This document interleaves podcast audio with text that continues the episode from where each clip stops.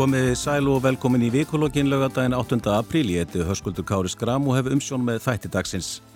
Vantarlega hafa margir lagt land undir fóti í dimbilivíkunu, allavega markam á bílaflótana og bílastæðinu við Keflavíkurflugul. Þar var allt orðið uppbókað í miðri viku. Einhver reiknaði það út að það væri rúmlega 3000 Íslendingar á tennir ífum páskana til að sleikja sóluna þar og einhverjar tásumindir verið byrtar á samfélagsmiðlum ger ég ráð fyrir. En veðri hefur svo sem verið ágætt hér einanlands síðustu daga fyrir utan kannski kvassviðrið í gær en það er vor í lofti og páskarhetið hefur ekki látið sjá sig. Við ætlum að ræða þessum fjölmiðla og samfélagi þættinum í dag, kannski örlítið um pólitík og mögulega annað sem hefur sætt tíðundum á undarförnum dögum og vikum. Hinga eru komið þau Sigur Jón M. Eilsson, reittstjóri og fjölmiðlamæður til margra áratuga, Sunna Kristín Hilmarsdóttir, fyrirverandi frettamæður og fyrirverandi kostningastjóri viðrisnar og Þórarin Þórarinsson, bladamæður. Verið velkomin. Takk. Jú, takk. takk fyrir. Eh, ég ætla að byrja þér, Sigur Jón, það örði mikil tímamóti í sögu fjölmjöla hér á landi fyrir rúmri viku þegar tilkynnt var að frettablaði væri hægt að koma út. Eh, Sigur Jón, þú starfaður á þessu blaði, er ekki rétt hjá mér í mörg ár og þekki sögu þess mjög vel. Já, hvernig var þér um þegar þú heyrði þessi tíðindi? Þetta kom ekkit óvart, sko. Þetta kom ekkit óvart. Það var svona, held ég svona, bara sást bara, sko, lestratölur að í hvað stemdi. Það held ég að sé alveg, eh, þetta var allt niður á við. Þannig að það held ég að þetta bara bara þetta eh, form eh, bara er búið sko. þetta er dreifingin er svo dýr eins og þeir sögðu og, og ég held að það bara hafi ekki verið við neitt ráði og hann að ég kom þetta einu sinni í viku þetta ég var með þætt á ringbrut og mér fannst þetta svona e, berða með sér svona ekki, ég get ekki sagt að búið dauðað með sér en það var svona endalóki kom mér ekkit óvart Já, uh, Þóraðin, þú varst auðvitað starfandi bladamar á frettablaðinu þegar þessu var lokað í hvað, vantalega Hvað, var, voru þetta náttúrulega ekki auðveldi tíðindi? Nei, ég veit ekki, ég er náttúrulega nú í fæðingarólaði það var síðasti, ég átti að mæta hérna mánundaginn eftir. Þannig að nei, nei, mér var nú ekki bröðið og hérna, ég get nú bara tekið dýpir árunum en segur hún og bara dauðin sveið þarna við vötnum alveg, það, hérna, og, og nei, nei, þetta, hérna, mér var ekki bröðið, ég er búin að býða eftir þessu rauninni. Og ég láttu nú vona á þessu fyrr eitthvað, en En kannski það eina sem kom ávart var hvað svona, hversu auðmyggilega var staðið að þessu, það, hérna, það stendur upp úr.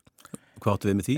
Nei, bara henda okkur beint í ábyrðasjá launa, ég, hérna, ég er alveg, ég frekar fegin að vera laus úr þessu, þetta var, hérna, það er alltaf áfall að missa vinnuna og hérna, ég vil ekki gera lítið úr því, þetta er, en sko þegar vinnan er orðin leiðileg og vinnustöðarinn er ömulegur, þá er eiginlega að vera lítið að fara grátand út, sko.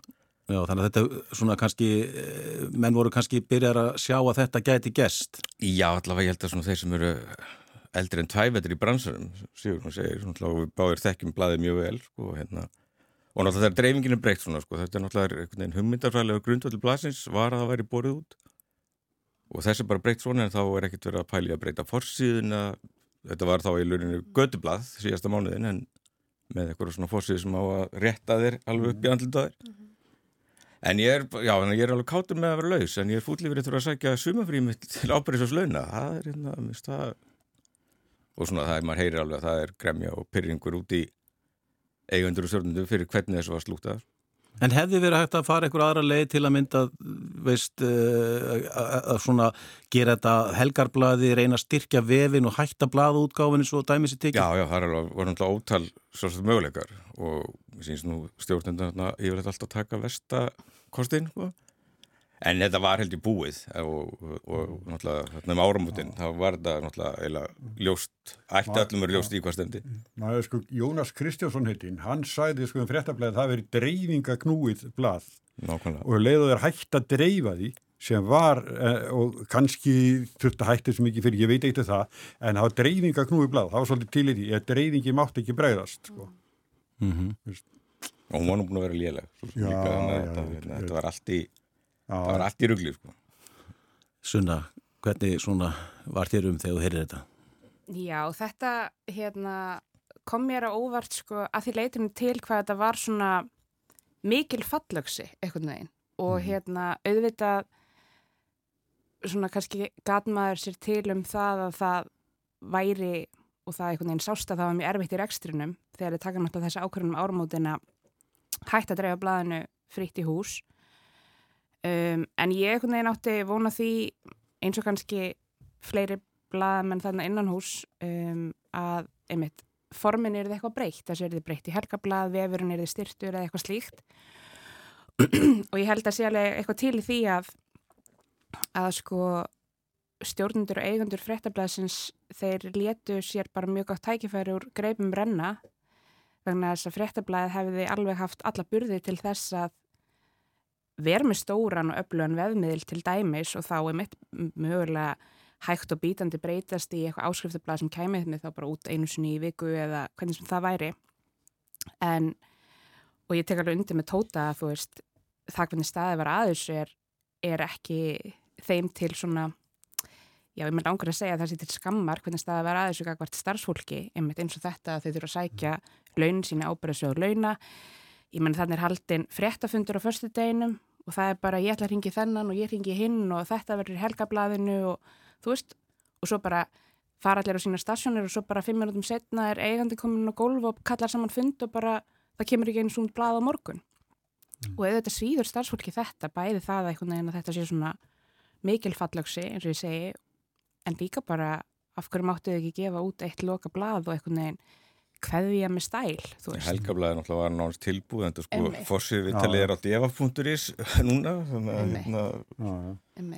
Ég sæði svona bríjar í einna stjórnöndum þessa fyrirtækis fyrir fáum vekum sko, akkur að hendi þessu fréttablaði bara og hérna komið með djefa bara nær uppbrunna sínum og komið með helgablaði með djefa og bara djefa vefurinn meira lesin heldur í fréttablaðs. Mm -hmm. bara hendi fréttablaðin og hérna sparkið djöfaf upp, ég held að sko, ég, ég, ég var ekkert búin að hugsa þetta djúft en mér, mér fannst eiginlega sko djöfaf bara, já ég veit ekki. Ég vildi fara, kannski að ég var á djöfaf hérna fyrir langa langa laungu og, og kannski svona svolítið væntu það sko. En svona farið svona illa fyrir því vörumerki sko. Þú hefur náttúrulega þessar djúbu tenginga við DFF en fréttablaði náttúrulega er, var, er, var mjög stórt vörumerki. Já, já, já.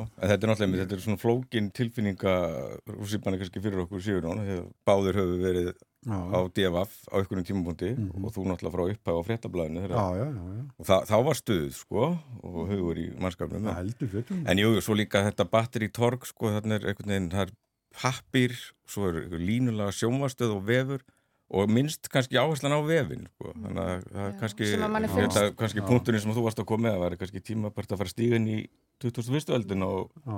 setja kraftana sko, í framtíðina Já. Ég held einmitt að það sé kannski líka vandamáli að sko, stjórnundur þarna á eigandur verðast heldur ekki hafa hafnina framtíðar sín varði það hvernig á þetta fyrirtæki að líta út, þetta fjölmjölufyrirtæki sem hefur einmitt þessum mörgu, eða hafði þessum mörgu ah. ánga og hérna, og einmitt bara þú veist, einhvern veginn ekki þróast í takt við tíman, ég menna fjölmjölar hafa breyst rosalega mikið bara á síðastliðunum fimm árum, þú veist, þetta er ekkert eitthvað rosalega langu tími, þar sem að umhverju fjölmjöla hefur gjör breyst. En svo er það bara Norðurlundunum í Evrópu, þar eru sko stóru fjölmjölarnir stó, sko, stóru blöðin sem voru að þeir selja aðganga vefsíðu sínum. Við erum svona ein eftir með þetta að hafa þetta svona opinn og það er bara, það er bara selt inn það er vara sem er framleitt og voru að kaupa hana. Og þannig átt að vera, því það náttúrulega ekki hægt að ætla að vera að gefa þetta enda sko. Ég þekki náttúrulega til hérna á turisti.is svona minn er eigandur í stjóri það og það er heldur því 2,5 ári eitthvað slúið síðan að hann lokaði. Og ég svona ég veit að hann mun ekki vilja bakka aftur hann að, að sko ég held að þetta bara eins og MBL og Vísi með eitthvað svona ótrúlega mikla aðsókt sko. Mm -hmm. en hver væri hún? Ef þetta væri sko þetta borga sinn á þetta, það er þetta að vera að skrifa og fá ekkert borga fyrir það. Ég held að það sé svolítið svona eh, leiðinu úr business sko. Þetta var náttúrulega hugmyndafræði sem að fréttablaði eh, stopnaði og bjóð til hér á Íslandi. Já,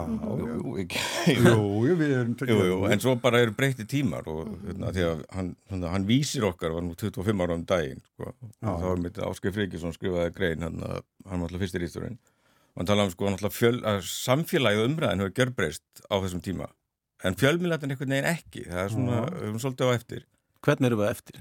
Já eins og með þetta sko, náttúrulega nú er, þú voru fréttir búin að vera að gefa eins og okkjöpis þetta lengi sko og fólk er gargað út með allan bæja, þetta sé allt rastl og þetta er lélega fréttur og allt það en ég minna viltu fá góða fréttið og þarftu kannski borga fyrir það sko. Já, má ég aðeins en segja þetta. Ef ég maður rétt, þá reiknuðu við með því upphæfi fréttablasins að hver blaðmaður myndi skila þremur og hálfri síðu efni. Já, Svo mörgum ára setna er ég rýstjór á Devaf og breytti því yfir í dagblad, yllu hilli. Við vorum með þannig breyðíkumálinu og rosalegt stuð okkur sko og fórum svo í dagblæði ykkur svona græðikisvittlisu sko og, og herðu, þá taldi ég, þá voru við að gera ráð fyrir sko að hver blaðmaður skilaði 10 til 11 síðum á viku. Ha, Já, varst þú ekki hérna þá? Er Yfir spinna öllu sko og, og alveg gali mál og auðvitað hérna urðu fréttirna síður í þegar að uh, hver blaðum að þarf að skila rúmur í síðu og hverju vinnudegi auðvitað. en áður voru þetta þrjára og hálf og það var bara það- viðránlegt það- Já, já, en heldur þetta nú vel í lagt núna, þetta er fólk að vera svo lat sko. já, vantar fleiri sjóra Eh, Já. En ég held sko, ég held Já. að við erum aðeins að koma inn á það sem er eitt vandamál íslenskra fjölmjöla, þau eru auðvitað margþætt, en eitt vandamál er að oft finnst mér almenningur ekki standa nógulega þétt við bakið á sínum fjölmjölum. Nei, gerir það aldrei maður þeim eru- allt, sko, já, ég fjölmiðlar þetta eru- er Krónísku blóraböggur Já, fjölmjölar eru blóraböggull eða blórabögglar fyrir allt og ekkert sko. Já, já. og þú veist, einmitt, fréttunar eru að megnunu til ókipis stærstu veðmiðlanir, vísur og MBL eru ekki á bakvið greiðsluvegn, nema hluti af innherja á vísi eru á bakvið greiðsluvegn og dagmál á MBL, þú veist, það er líka Mhm. á bakvið vegg. En að öðru leiti er efnið að miklu leiti, eða þú veist, að öllu leiti ókipis og hérna, og ég veit ekki hvað þú veist, við þurfum einhvern veginn þú veist, almenningur má líka alveg taka það til sín að standa þétt við baki á fjölmjölum, kaupa áskriftir. Og ég menna, ég held að það sé þú veist, ég held að það sé bara svona ótt einhvern veginn, ef við færum á bak við vegg myndi eitthvað kaupa, þú veist, aðgang að okkur? Að því, ég menna, hata þau okkur ekki hvað sem er, eða skilur þau ég var næsti Já. miðlir áfram ókipis Já, eh, svo er það það líka Já, þú já, þá er það kannski, sko, sem held að blæsa náttúrulega við, að ruslið getur verið ókipið, sko, en þú vilt fá fréttir sem eru unnar, efni. og gerðar, almennilega, og ég held að fólk vilja það, en það þarf kannski bara enginn við hvað átt fyrir, hefur fyrir mistöfu, sko, það er bara, En það er svo oft erfitt þegar þú ert búin að bjóða Já, einhverjum ég, ókipis sko, þú að vera sko, að byrja með- síðan, nei, nú hérna, þarf þetta að borga fyrir Þetta er búið að vera ókipis þetta lengi og svo ertu með afkomendur, hérna, norskra skattsvikar og sögðaþjófa sem að vilja náttúrulega fá allt. Þannig að þetta getur svolítið erfitt að, svona, kenna Íslendingum. Já, það þarf eitthvað svona Hvað það þarf að ala þetta einhvern veginn upp í okkur Ég sko. fór inn á Gallup bara fyrir fáundugum síðan og nú er ég svo, ég er svo gammal og gleiminn en ég man ekki betur, ég skrifaði mér svo stutta fréttumyndin á viðmiðli minn að hérna að sko mannlíf Reynir Ströstasonar er helmengi meira sótt ykkurliðis heldur en heimildin sko, að heimildin er lókuð, mannlíf er opið og þar er sem mann, en hérna heimildin það eru með ja, sko, mjög færa og góða blaðamenn og, og allt það sko er að vinna efni sitt sko. En svo er reynir sko með fjölmiðil sem er svona mikið léttar á bárunni og sumið segja bara kannski ekki eins já, ekki jafn stórt hlutverk ef ég segja það á heimildin en það er bara helmikið mér lestur á, á þeim ef sko, á því hann er ókipis Já. þá er það, hvers virði er þetta?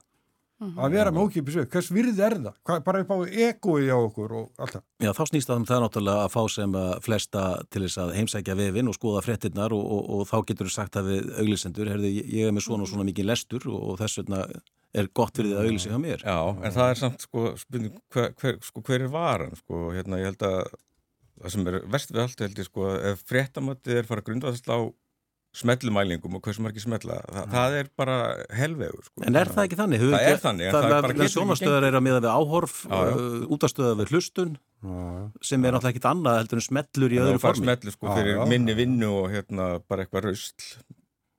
Sko, þá náttúrulega Já. endur við bara, Og við vöðum bara skítin upp að eyrum. Já, og svo finnst almenningi þetta ömurlegt saman, já, og- og- og og íslenski fjölmiðlar sko, er er en lesa, samnefnari bara. já, en lesa þetta Þú veist, það Já. er það sem að þegar ég byrjaði að vinna á Vísi 2014 Já. þá hérna þú veist, get ég alveg viðkjönd það að mér brá alveg, ég menna maður getur fylst með lestartölum og veðmili í rauntíma, það er bara skjár upp á vegg Jú, og þú sér bara hvað eru margir að lesa hverja einustu frétt, það eru ykkur hundru manna skilur og þúsundir inn á vefnum á hverju mínútu eða hverju sekundu Meina, mér brá alveg þegar ég sá skilur að mest lesnu fréttinar eru bleikufréttinar, lífsfréttinar Já. sem eru oftast eða voru allavega á þeim tíma oft bara fréttir sem voru unnar upp úr erlendu miðlum, Daily Mail eða The Sun og bara fréttir af fræga fólkinu og bara eitthvað svona. Meina, og, veist, og svo eru hérna, er almenningur eitthvað íslenski fjölmjölur er svo mikið drastl eitthvað, þeir skrifa bara eitthvað um eitthvað frækt fólk og bara eitthvað, þú veist, þessi kúkað og þennan eða fór í sleik við hinn og eitthvað En hver svona. setur þetta í mestlæsti? Hver, hver kemur þessu á Þau, toppin? einmitt, Já, þannig að þetta er svona, ég held að fólk gerir sér ekki alveg grinn fyrir er einhvern veginn, þessu heldur. á fréttablaði.is heitnu sko þegar við sáum að það var að fara niður breska kongafólkið eitthvað og þá bara eitthvað, sko. Já, þetta var, þetta var svolítið vandræðilegt tíma því þá voru fréttameðlar svona þegar, já fyrir svona 15 árum þá voru veðmiðlar þessi stærstu með þessa eh, til liðar þá sástu hverju voru tíu mest lestu fréttir þessa dags. En þá var þetta ekkit flokka, þá voru bara það skipti ekki máli hvort það var íþróttafrétt eða, eða mannlýsfrétt eða, eða einhver frétt um pólitík. Og þar var alltaf í efstu tíu sætum einhverja svona fréttir eins og þú nefnir að fræga fólkin í Hollywood mm -hmm. einhverja slúðursögur og svo framvegis. Þannig að margir miðla tók upp á því eftir eh, svona eh, að breyta þessu og flokka þetta niður. Þannig að, þannig að núna þegar þú sér það á mörgum miðlum þá ertu vilt bara með fréttir tíu Já. mest Já. lestu fréttirnar. Og svo getur þú klikkað á einhverja flipa þarna og þá getur þú séð hverju eru tíu mest undir mannisfréttirnar svo er náttúrulega ekki að því ég er náttúrulega bara sér, sér þetta mér í lífsréttum bara öll þessi 24 ár sem ég er og ég er mjög hrifin að þeim og það er hægt að gera það vel. En þau verður líka að sko að þetta er mest lesa á MBL og vísi. En ef þetta verður bara þessar fréttir við tækjum allar alvöru fréttirnar vakstahækkanir og aflabrestir þá væri þessu vefur ekki svona mikið lesnir sko. þetta er ekki þetta, nei, nei. fólk Þetta vill auðvitað alltaf fá fréttir af leiðilega stöffinu líka sko. En þetta verður allt svona, en svo líka með þetta ég held að við endum verðum að selja þetta það er aðgerðisflóttin úr þessar stjætti náttúrulega Það er- brjálaður sko. Það er nú eitt líka maður. Það og er- náttúrulega það gott fólk með þekkingur einslu það fer vegna þess náttúrulega það sem það er að framlega og vinna það er náttúrulega illa launað það er eitt sko. En svo bara þetta er náttúrulega, svo fer týnist þetta allt bara í þessum grauð sko. Mhm. og Já. ég hætti nú að fréttablaðin 10 ára og kom aftur hérna áslokk 2017 og bara síðan þá atgerðslóttin er náttúrulega bara störlaður sko, það er bara, bara hæfileika fólk maður er búin að horfa, þetta er bara svo bara renniður bara. Svona, já, bara og það kemur ekki inn á móti sko fólk á sama kalibur sko. Nei, álæði hefur náttúrulega verið að aukast samhliða þessu sem þú nefnir að, hérna, að það hefur orðið breyting á starfstjettinni, launin hafa kannski ekki hækkað í samræmi við, við það sem að við sjáumst annar staðar í samfélaginu og, og, og, og sama tíma er álæði aukast þannig að fyrir marga er þetta eins og Sigurjón nefnir hérna, það er kannski verið að auka álæði um 50% en blaðamenn kannski er ekkit að fá endilega meira í vassan. Já, já. Nei. og líka bara þetta, ég menna þetta er álag og þetta er ábyrð, skilur ég held að mér finnst líka, það er ekki alveg nógu mikið talað um það finnst mér að það er mikil ábyrðar hluti að segja fréttir Mm. veist, og koma réttum upplýsingum á framfæri við almenning. Og það einhvern veginn mér hefur aldrei fundist það einhvern veginn heldur endur speglast í launum blaðamanna að þetta er ábyrðar Nei, nei, starf það er líka náttúrulega sko, þetta verður alltaf verið skemmtilegt starf. Já. og, og ég held að útgefundur að við skákaði því skjóli í áratíu Já, já. en eins og þessi síðustu mánuði mín árata fréttablaði núna, þetta var orðið leiðilegt Mm. og, og þá fer maður að vera pyrraður út í einmitt, launatjekkan. launatjekkan Mm. og svona, sko, þannig að Þegar ég var í þessu húsi hérna, fréttamaður fyrir eitthvað 30 ári miklus, þá fór ég alltaf í göng út úr fyrsta hvers mánar sko, til að við er ekki að sko, rekja sko, vinnufélagi mína með hvað lág illa með þeir sá launin mín. Sko. Þá fór ég bara út úr hús og gekk bara hérna um hverfið sko, til að svona jafna mig. Sko. En ég ætla sko líka það, ég, þegar ég áðan, þegar ég er í, í bílnum að kera, byrja að kera hinga, þá er tíu fréttir. Og fyrsta frétt er um, um e- að banna eitthvað meðal eitthvað líf sem geta sko orsaka sko fósturlátt og svo kom önnu frá Ísrael búið. Og þá var ég að rifja upp að hérna í þegar ég var hérna þá var Sigriður Átnadóttir var að fréttastjóri ef ég maður rétt, hún var alveg ótrúlega flottur yfirmaður og áhuga sem með fréttir. Og einu sinni kemur hún til mín og Gissurar. Þá voru sko út af svertin klukkan sjö og þá klukkan eitthvað hálsjö og hún segir bara við okkur, strákar, þið verða að bjarga þessu, ég hef ynga frétt til að byrja að frétta tíman á og við byrjum að ringja og ringja og ringja og ringja og, og svo enda með því að Gissi hendi guðla blíjandur sinni upp í loft og þá vissi ég að hann væri komið með eitthvað. Og, og svona og hérna og opbóðslegt fjör sko að því hann var með góða frétt sem maður náttúrulega ekki núna hver var en það var til að byrja fréttatíman en þá var þess að svo sem var með vaktina hún, ga, hún bara hafði enga fyrstu frétt sko fyrsta frétt er svolítið mál sko, hún verður alltaf að vera alveg sem þurfa að vera með fossíðu frétt Já. við erum að vera með fyrstu frétt en áðan heyrði ég bara þá bara hérna að einhverju fylki í bandarækjunum að banna eitthvað líf sem gæti, sko, þetta er ekki sko, þetta er ekki fyrsta frétt alveg sama hvað klukkan er að deginum sko. Gæti þetta ekki tólkað sem páskagúrka eða eitthvað svoleiðis? Nei, það átti að vera búin að undirbúið það Já, það átti að undirbúið það, það átti að eigi í vagninum Já, ég Frétt vitna þú nú- getur byrjað á. Vitna nú Eirik Jónsson sem að sagði við mig það er ekki nýtt sem heitir gúrkutíð, það er bara lélega í blaðan Já, er svo það líka Það er það sko En hvað, hvað hefur breyst samt sem að vera á Íslandi? Að því að, ég meina, þegar ég ég var alast upp, þá voru gefin út hérna, ég veit ekki hversu mörg dagblöð, það var þjóðvilin, alþýðublaði, tímin, devaf, morgunblaðið, Og, Vísir. og vísir sko. Já, já, Það og, og náttúrulega tímar. Helga Póstur og Pressan og öll þessi blöð sem að virtust bara vera með áskrifundur og, og, og, og sum þeirra náttúrulega liði ekki lengi en á sama tíma voru gefin út fjöldin allar á tímaritum, það voru útastöðar eftir 80, 86, þá voru hérna, margar engar einhverjar útastöðar uh, sumar voru með fréttir, aðrar ekki en allavega virtist, virtist það ganga. En núna er þetta bara svona uh, hvað, eru við með eitt dagblað sem er gefið út daglega, morgunblaðið uh, heimildin Stór tapi Já, já, heimildin hérna er reyndar allar að fjölga útgáðdögum og Já, fara þau í... eru svolítið góð sko, þau eru fyrstu svona sem að stökkva til. Það er náttúrulega fréttablaðið að skilja eftir sér eitthvað skona gat. Og þau eru, þegar hún sjálfst, þau byrja að pæla í þessu. Ég er ég viss. Nei, nei, en þá eru þau bara fljót sko, fljót að hugsa. Ég veit ekki.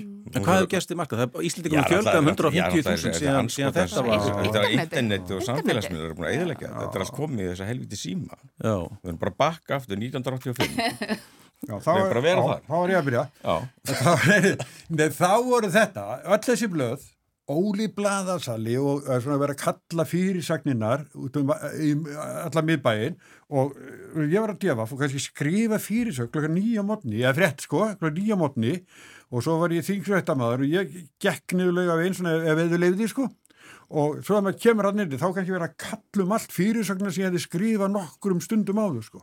Þetta var geggja sko. Já. Maður fann svo til sín, þetta var geggja sko. Það já. var bara ótrúlegt umhverju að vera í sko. En þetta, nú er þetta bara eða sko. Þarna var eitthvað, þessi tímar kom ekki aftur. Og ég held að það megi líka alveg, ég menna við sitjum hérna inn í þessari stofnun, ríkisútvarpinu Já. og hérna, og það er ekkert, ég menna það er bara staðirind að þessi stofnun hefur margra miljardar forskot á engarækna fjölmiðla og það er nú oft þegar eitthvað svona gerist eins og fjölmiðl fyrir hausinn eða það eru hóp uppsagnir og engarækna miðlum eða eitthvað slíkt þá fer alltaf umræðan að stað um, ríkisútvarpið Já. og verið þessu auglýsingamarkaði og ég er svo sem að sammála formann blaðmannfélagsins í því að umræðin er ekki að snúast um það en það er samt umræði sem maður þarf að taka og ég menna mín skoðun er svo, það er bara mín pólitíska skoðun, burt sér frá því hvert síðan þessar auglýsingatekur skilir sér að rúfi ekki að vera auglýsingamarkaði því að mér veist bara ríkið eigi ekki að vera svona umsviða mikið á samkjöfnismarkaði og ríkisútvarpi er að keppa á samkjöfnismarkaði, já, fjölmælumarkaði frekar grimm Já, sko. fjölmjölumarkaður Það- er samkjöfnismarkaður en hérna en þú veist, og það er einhver umræði sem að þú veist, þarf að eiga sér stað. En stjórnmálamenn og ég held að það sé alveg rétt hjá Sigriði Dögg, Auðunsdóttir sem að sagði ég held ég í Silfurinu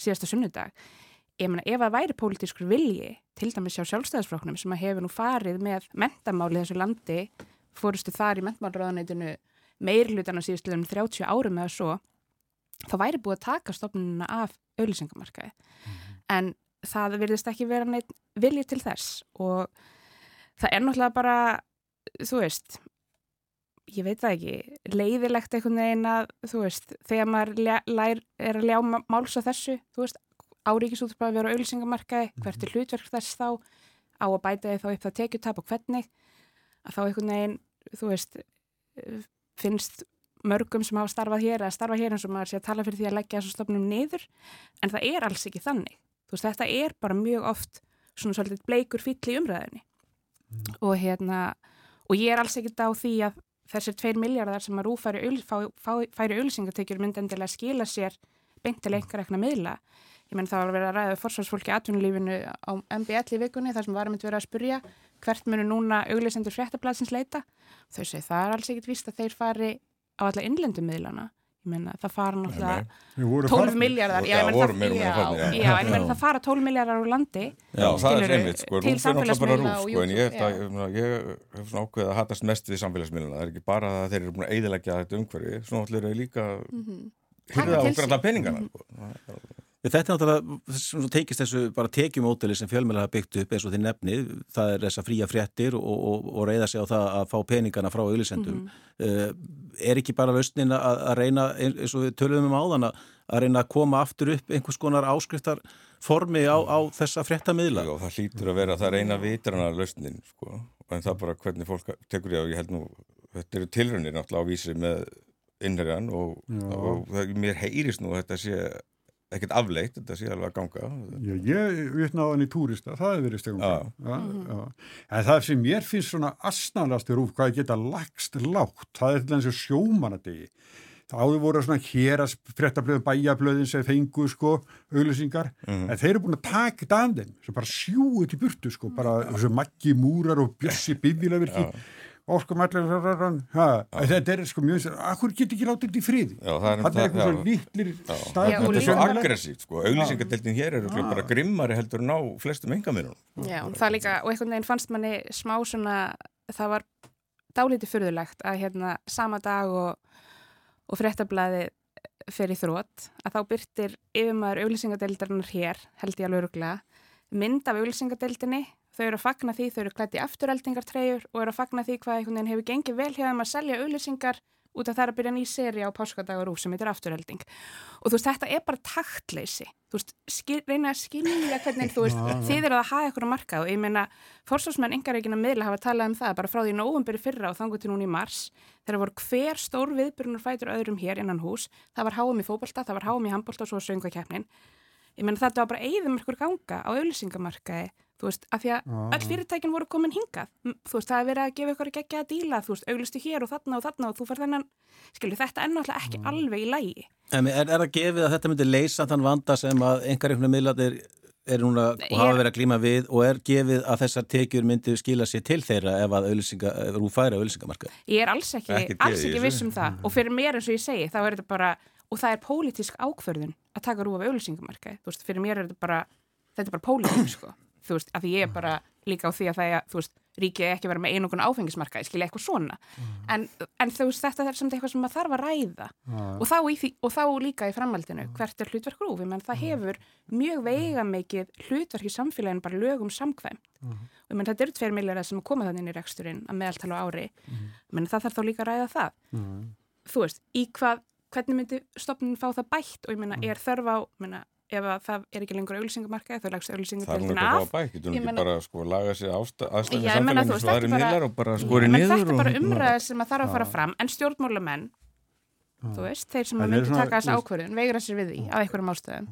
Einhverju sko eru veikir fyrir, það kemur rúf og niklar vöðana fyrir fram á sko. Það, það er svona að segja, virta svona og þetta. Sko, og, og svo leggjast þér alveg niður í sko bara sjómandaskveður og jólakveður frá, mér finnst það það er ekkert að banna það, mér finnst það bara ósmæklegt Já, en hérna sko eins og staðin er núna fjölmjölamarkaði þá erum við með þessar kannski tvær stóru uh, fjölmjölar samsteipur sem er morgumblæðið og, og, og sín mm. eh, vísir Bilgjanstöð 2 og svo hérna morgumblæðið hérna, og, og þeir reyka náttúrulega út á stöð líka mm -hmm.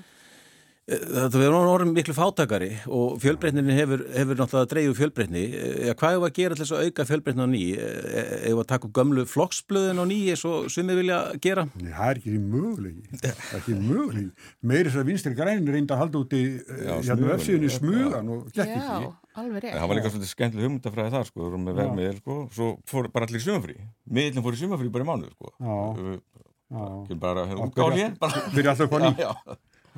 Nei, nei, það, nei, nei, þetta Sá tími liðin Já, já, en það þetta var rosalega gaman að lifa flokksblæða tíman, en hérna, hann er þetta er búið, sko. Já, já.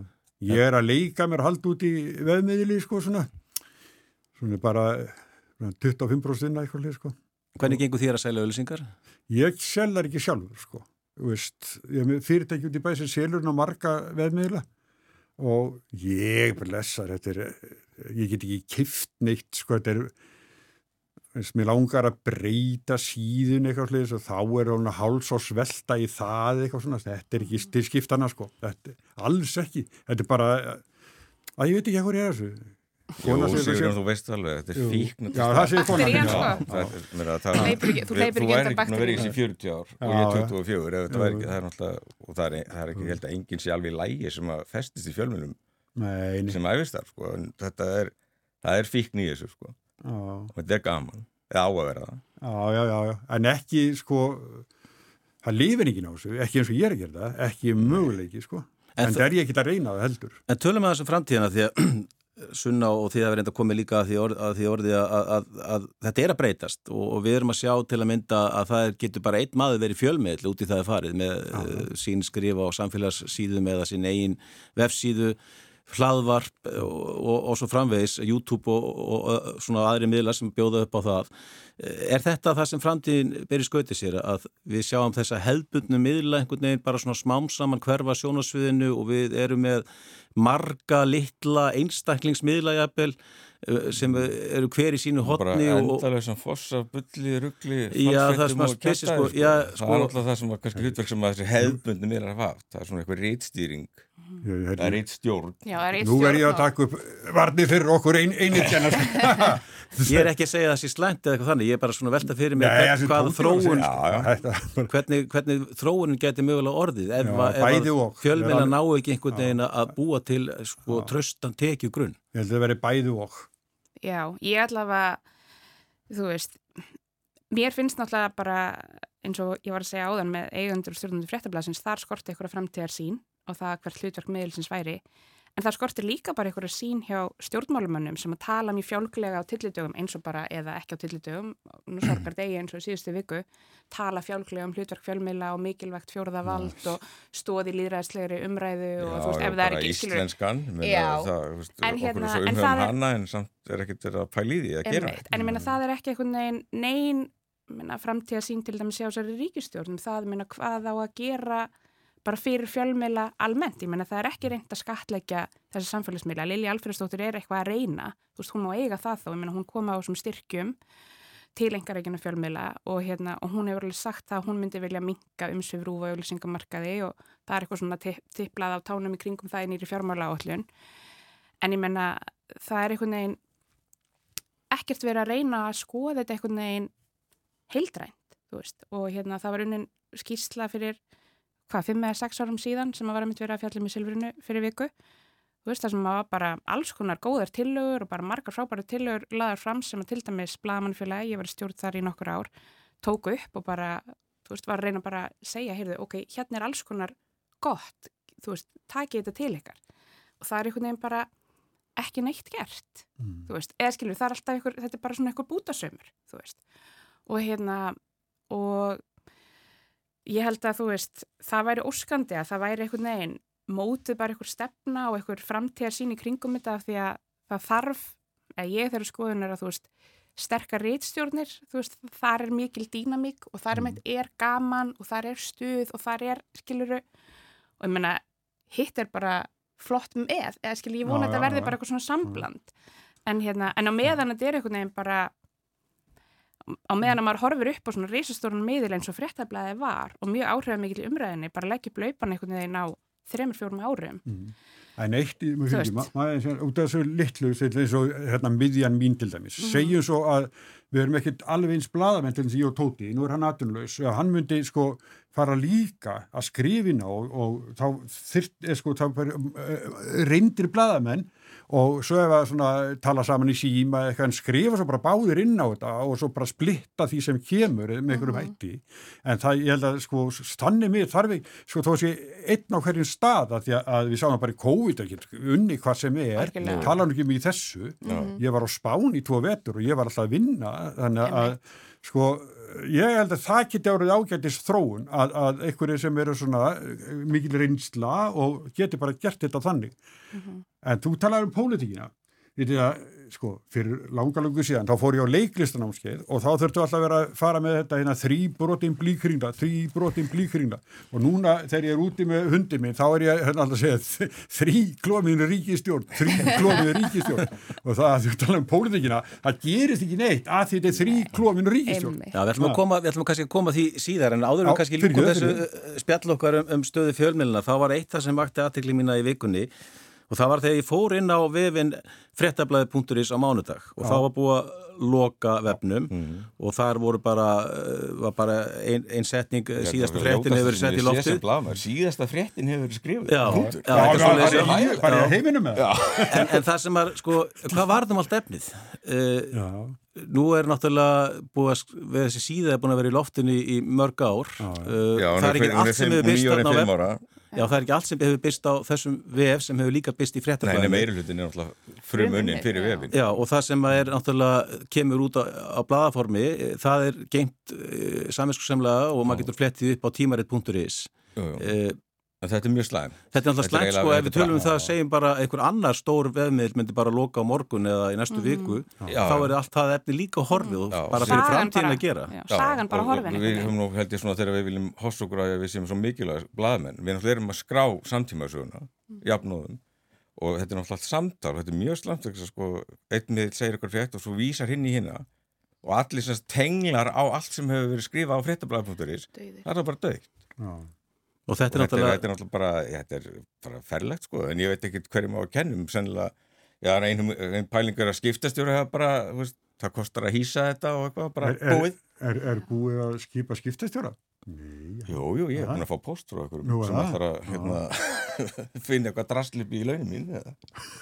já, já, en, já, en þetta, er, þetta er graf alvarlegt í rauninni sko. já, og líka náttúrulega, þess að vísi eru allar vefsir eru afrittar hérna hjá landsbókasafni Já. en það er opbúslega óaðgengilegt og eitthvað er sko. Vefsafnið er eitthvað konsept sko Já. en Já. það er ekki mjög, það er ekki jafn aðgengilegt og tímarit.is til dæmis og ekki jafn þróa held ég sko þetta er þó ég þekki það ekki í þaula sko Þetta er náttúrulega verið talað um þetta út af þessari stafrænu byltingu sem átti sér stað hérna fyrir nokkrum árum síðan að, að, að veist, við erum ekki lengur að framkalla ljósmyndir, við erum að geima þetta í símanum okkar og svo er einhvern veginn eðila símin og, og þá eru alla myndindar hornar, sumar fara í einhver skí en, en ekki, ekki alla sko þannig bara, það er svo mikið í samtíma sögunni sem gæti glatast út af því hvernig við erum að Já, við geymum ekkert á föstu formi lengur. Bara öll bóka sem myndir brenna og allt og þá bara getur bara einhver fyrir bara breytt Wikipedia og við erum bara komið með nýja mangisögu bara algjörlega nýja veruleika. Bara, En fyrir ykkur sem voru að koma að viðtækjanum þá er þau að hlusta á vikulokkin á rás 1 ég heiti Höskuldur Kári Skram og þau siti, þau siti hérna Sigurjón M. Eilsson reitstjóri og fjölmjölamæður Sunna Kristín Hilmarsdóttir fyrrandi fréttamaður og fyrrandi kostningastjóri viðresnar og Þóraðinsson bladamæður Mér langar aðeins að fara að tala um pólitík Sigurjón, þú varst að tala um þríklopna ríkistjórn Já. það var einhver mantra hérna sem þú ert að þylja núna þessa dagana Akkur er þetta að segja það? Já, þessi sko þríklófin blíkringla, það verður að vera þríklófin ríkistjórn. Ég held, ég sér algjörlega sko hver höndin upp á mót annari þannig. Ég, ég sýnist á öllu og það er bara eins og og sko til að halda sér sko í ríkistjórna þá er þeir að gleipa sko kúkinu Jóni Gunnarsinni til dæmi sko, til þessi vinstri græn. Og framsókn eða nú gegnum áratíðin að vera svona sko opinni báð enda, það svona hjálpar þeim svolítið til að vera ekki alveg í skotlínunni. En þó sko, það er hérna ég held að þessi heilbreyðsmálunum sem er mjög bátt og mér finnst þetta að vera orðið þannig já, að þetta séu svona trýr flokkar sem að einhvern veginn hittast á og til í einhverju herbyrgi og svo til að því að hérna að, að, að Ríkisvölds ekki fjölskipa stjórnvald að Jón geti bara gert þetta af því að hann leggur það fram. Þetta er ekkert svona sko. Ég, Jón, hérna Sigur Ingi Jóhansson þegar hann var uh, hérna sjáur út þessar á þeirra og þá laði hann koma með nýtt frumvarp um, um stjórn fiskveiða. Og, og þetta er bara og hérna og Bjarni sagði bara nei og hann fekk ekki samtykt í ríkistjóninni svo hitti hann í einhverjum þætt á ringbröti að tala við hann sko þá var hann nýjóri fórsættisráður eftir vindrísmálið og, og þá spyrja hann allar ekki, nú tóðum fórsættisráður allar ekki að rífa upp gamla máli sem Bjarni settist á? Nei, ég vil ekki gera það. Nei, ég, nei, ég set að vera þannig. Þetta, þetta er svona þrýr flokkar og einhvern veginn hver fyrir sínu fram einhvern veginn, ég held að Já, þetta segja þessi komið kannski eitthvað þreyti í þetta samstarf Það ekki, það er ekki mig til þess að sjá það allir sko. Hvernig sér maður það?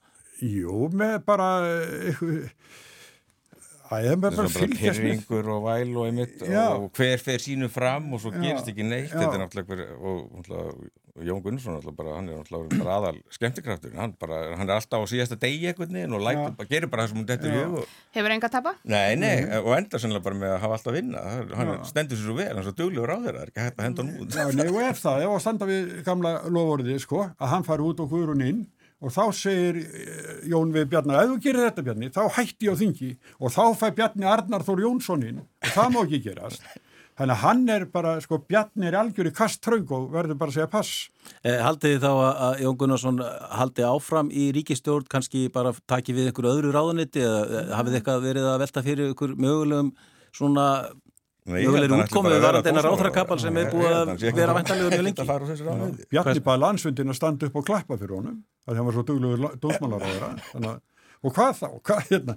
Og Þannig ég mér finnst þetta vera, sko, auðvitað er þetta oft hannig að, að svona hver svona á sitt einhvern veginn og, og svona kannski átöku ríkistjórn. Ég man eftir hérna ríkistjórn, sko, hérna viðeigastjórninni þegar að Jón Baldvin og, og, og Davíð myndur ríkistjórnina. Það voru oft glæringar á milli, sko, en, en þeir svona bara sterkir karakterar svona, nei, það voru át, mikil átök þá. Ég mér finnst þetta einhvern veginn vera núna eitthvað svona látt eitthvað, eitthvað. Það er líka ekki bara, það er alltaf þetta hugssjónuleysi ég var krakki og fylgjast sem pólitík og hvernig fann maður alveg að það voru eitthvað hugssjónir eins og bara vafki, ég, var alltaf skild með þetta til vinstri. Hvað er að þessu liði? Það, það brennur engin, engin hugssjón og ekkert er grænt og ekkert til vinstri Nei, nei. sorgleg Já, Ísland og NATO en taka svo bara flikkflakk helgastakk inn, á- inn á sviðinu þetta er bara ekki sko, Þið eru, þið eru mjög dómharðir.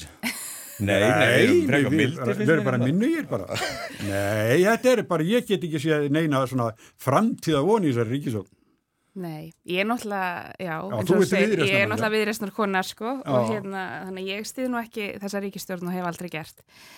En mér finnst þetta náttúrulega, þú veist, ég get alveg tekið margt und- undir, undir margt af þeir sem þeir, þeir eru að segja, að hérna, og mér finnst kannski einmitt sorglegast að horfa upp á vinstri græn, um, og það er einhvern veginn það sem að drífa Snædal fyrir til fórseta ASI og VFG konu til margra ára þegar hún segir svo flokknum þarna 2017.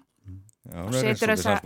Já, að setur þessa frægu Facebook-ferslu þarna að VFG muni vera að geta skít í þessu ríkistjórnarsamstarfi, trekk í trekk.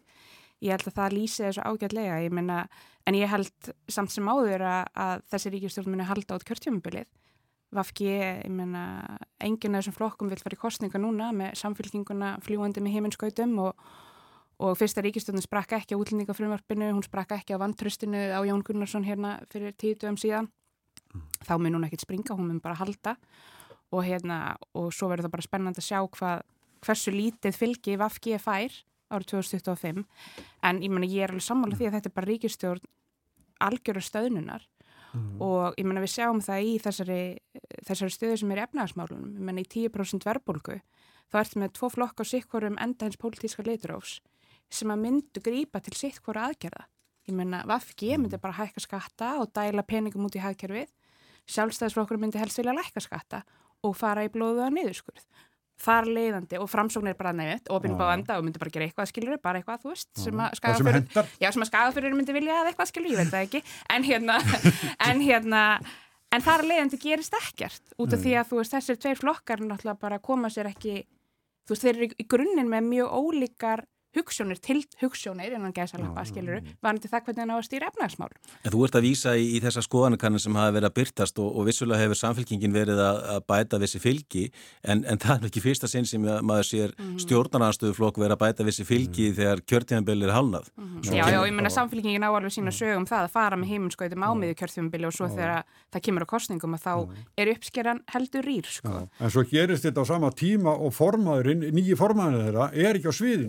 en ekki sko. Já, hún er heim í batningnafríi og þá eh, hérna rís flokkurinn upp úr öllu.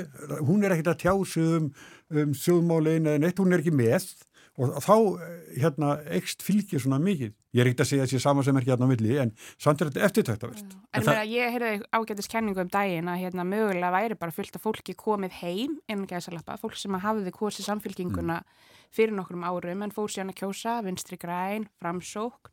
Þú veist, það geti kannski verið einn skýring, en menn flokkurinn er komið með allt aðra áru með Kristórnu Frostadóttur og hún hefur svona líka einhvern veginn hérna endur formað einhvern veginn málefna starfið og málefnin sem flokkurinn setur á ottin. Settir hún svolítið Europastefnuna, ekki, ekki kannski út í kuldan en svona tók hana svona úr forgangsöðunni, sett hana niðar. Já, bæði Europasambandið og nýja stjórnarskrá sem hefur alveg verið svona, hafa verið kjarnamál samfélgingarna mm. í mörg, mörg ár og hérna en þú veist, ég sé svo sem ekkert Mun þinn flokkur græði eitthvað á þessu svona ekki með að við kannanum allavega því þið hafi verið svolítið först aðna í, kringu 79%? Já, við fórum reyndar upp núna í síðasta þjóðupúlsum 1,5% cirka og það var bara mjög ánægilegt en hérna, en ég, ég vona að hérna, ég menna, þegar það er eitt flokkur eftir á sviðun og tala um Európa-samansaðil þá kannski, já, ég vona að það mun eitthvað hjálpa okkur en síðan er það auðvitað bara þannig að ég held að íslenska þjóðin og ríkistjóðin er kannski bara gott aðeim um það að að hérna íslenska þjóðin er kannski bara aðeins og íhaldsum í almennt fyrir flokk skilur eins og viðrist sem er frjálslindur í grunninn og tala fyrir miklu meira alþjóða samstarfi en við erum í núna.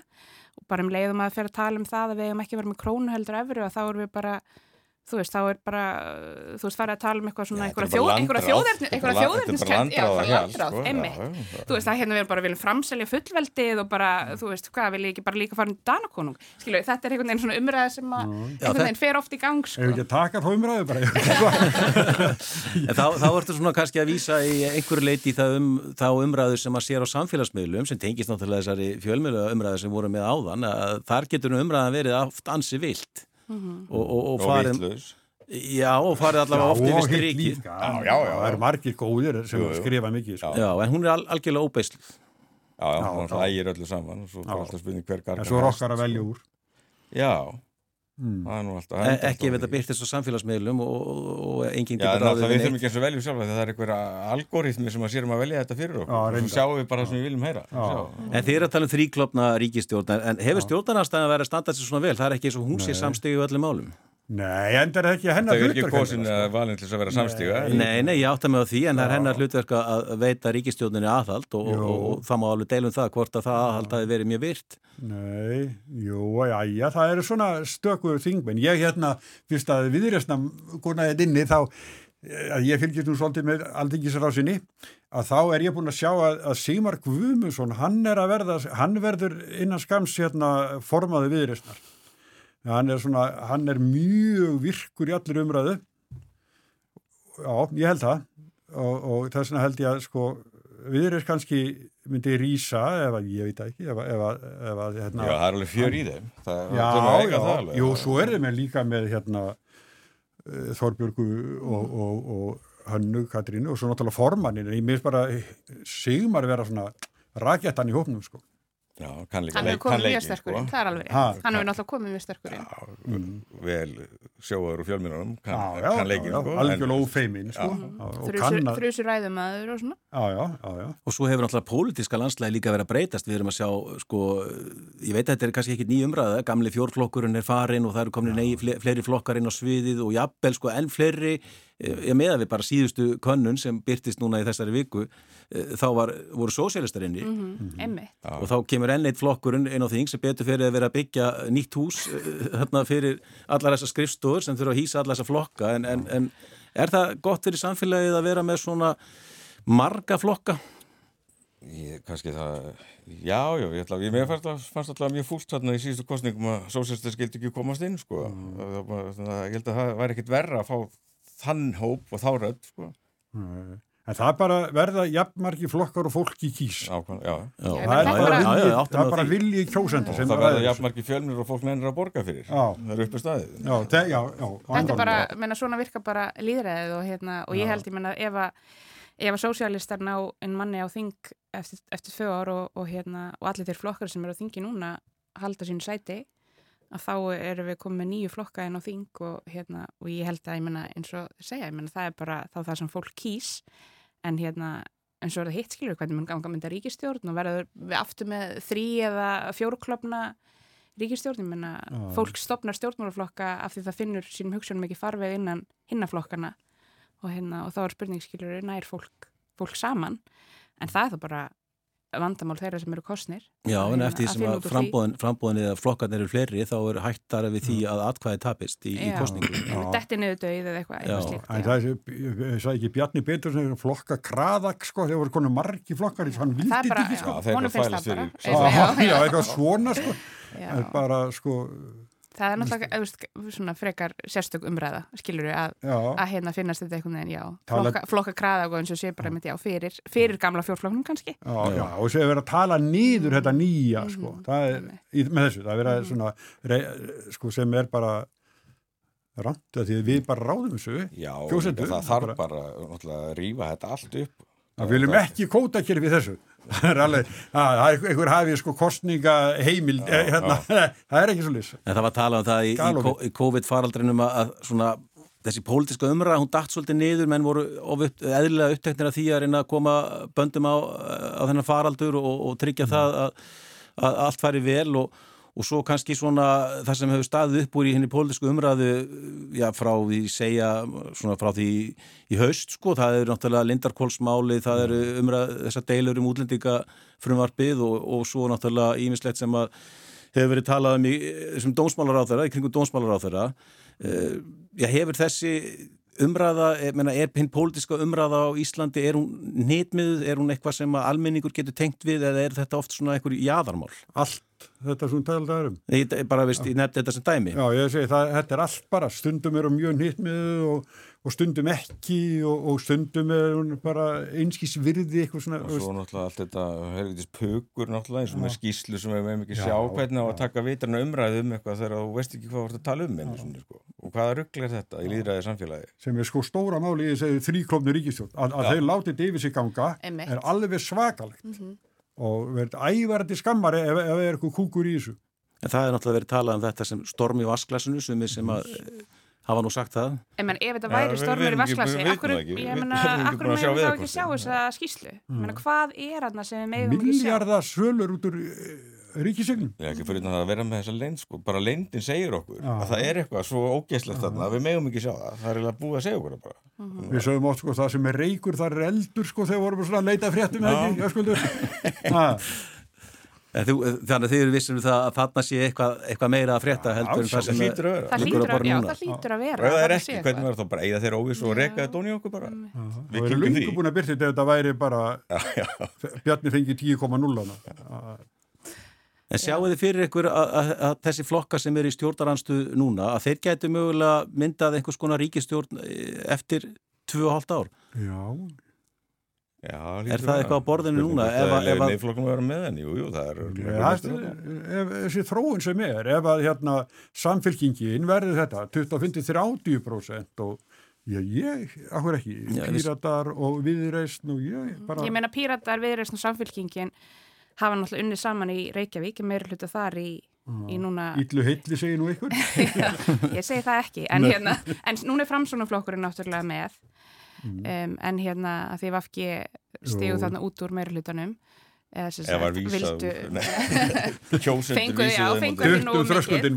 já, fengi ekki nógu mikið allavega til að Nei, nei, sig til nei. að vera meira hluta og það er bara þeirra ákvörðun og allt það. Já, en hérna en ég, þú veist, minna, miðflokkurinn og flokkur fólksins, þú veist, talandum íhaldsemi, þú veist, ég segi það bara, það er bara mín skoðun og ég er ekki að tala fyrir hönd míns flokks eitthvað, að, að hérna mér þetta alveg erfitt að sjá viðreist til dæmis fara í ríkistjórn með miðflokki og flokki fólksins, ég sé ekki alveg hvaða sameilu snertiflötir eru þar, en ég menn það eru augljóslega snertiflötir með með samfélkingunni og pýrutum, en ég menn það er líka alveg snertiflötir með skiluru framsónuflokki, sjálfstæðsflokki, en það er samt líka ákveði íhald, sko. Mm. Þannig að, hérna, En síðast þegar voru ríkistjórn, þá voru náttúrulega ríkistjórn með sjálfstæðisflokki og, og, og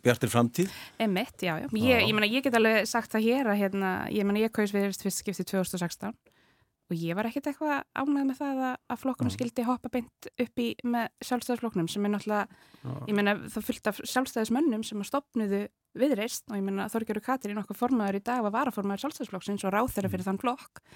Og hérna, og það eru, minna, einhverju vilja meina það að, að það hafi reynst bara flokknum síðan í kjölfarið mjög erfitt. Mm. ég meina flokkurinn fjekki þeim kostningum um 10% og við höfum aldrei náð því aftur, jú, í einhverjum einstaklega könnunum, en hérna þannig að þú veist, það er líka það er, minna, það er önnur umræða og ég minna, það verður eins og ég segi, bara frólægt að sjá hvað það gerir vinstir grænum að hafa þá verið í ríkistjórn með sjálfstæðarfloknum í átta ár. Má líka fyrir ég, aðeins hérna að því ég er svo gammal, ég man eftir því að það, sko ríkistjórn stóð tæft og þá var Stefan Valgesson fyrir framsóknamaður eða eflust alltaf framsóknamaður en, en hann fór í sérframbóð í Norðurland Eistra og hann stutt í ríkistjórn á þess að vera ráð þeirra. Mm -hmm. Hann, svona, hann fekk náttúrulega eitthvað dúsur sko, en, en þetta er ekki, sko, einhvern veginn kemur að því bara að, að kannski lítir þingflokkur, hann stýður ríkistjórn yeah. sem að kannski, sko, fer þá í eitthvað mál sem hann brennur fyrir eða eitthvað. Það vantar svolítið í kúltúrin hérna hjá okkur. En svo er þetta mjög ríkt á... Þegar voru að tala um fjölda flokka, hvað er allir skrítnu kallandir með sérframbóðinu með þessu Stefán Valgersson,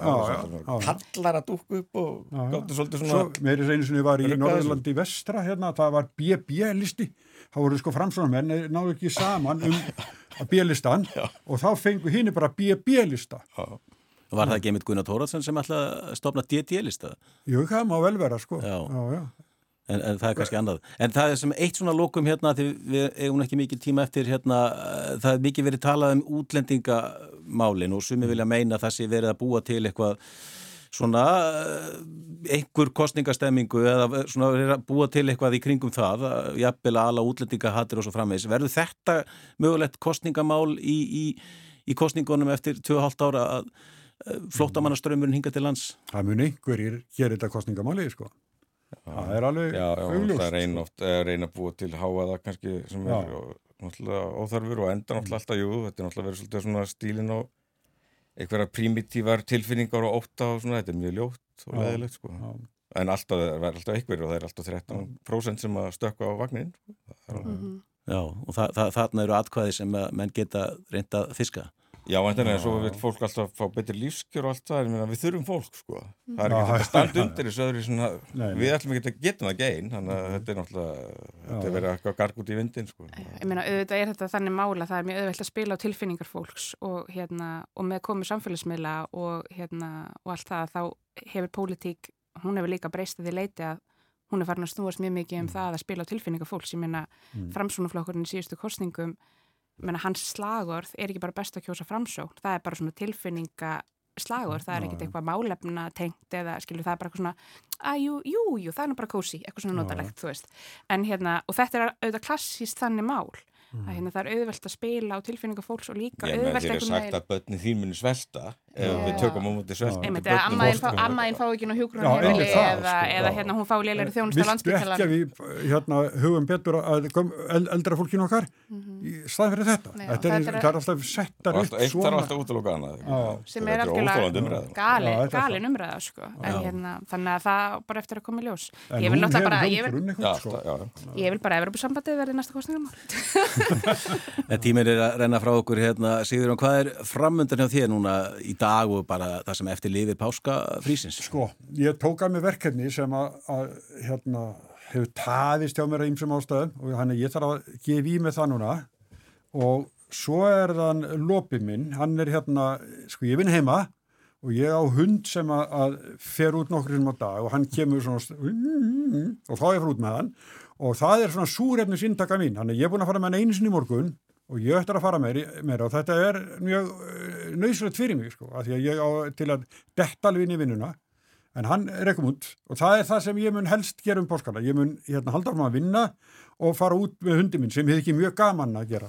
Þóraun Já, ég er náttúrulega lífið nú ekki meira spennend lína það að mitt æstatakkum verður alltaf bara slæpast og gera helst ekki neitt og mér finnst að ég megi það núna því ég er atvinnulegs en, en ég er náttúrulega með eins ás strák á heimilinu sem er svolítið með dasgravaldið þannig að ég veit ekkert hvað ég er að fara að gera en ég fæ örglega ekki slæpast. Sunna Já, það er bara, páskanir eru svona mjög chillaðir alltaf finnst mér og mjög notilegir, þannig að það er bara fjölskyldu og vina stundir framöndan, fara út að borða í kvöld og svo bara páskarlampið hjá mömmu með stórfjölskyldun á morgun.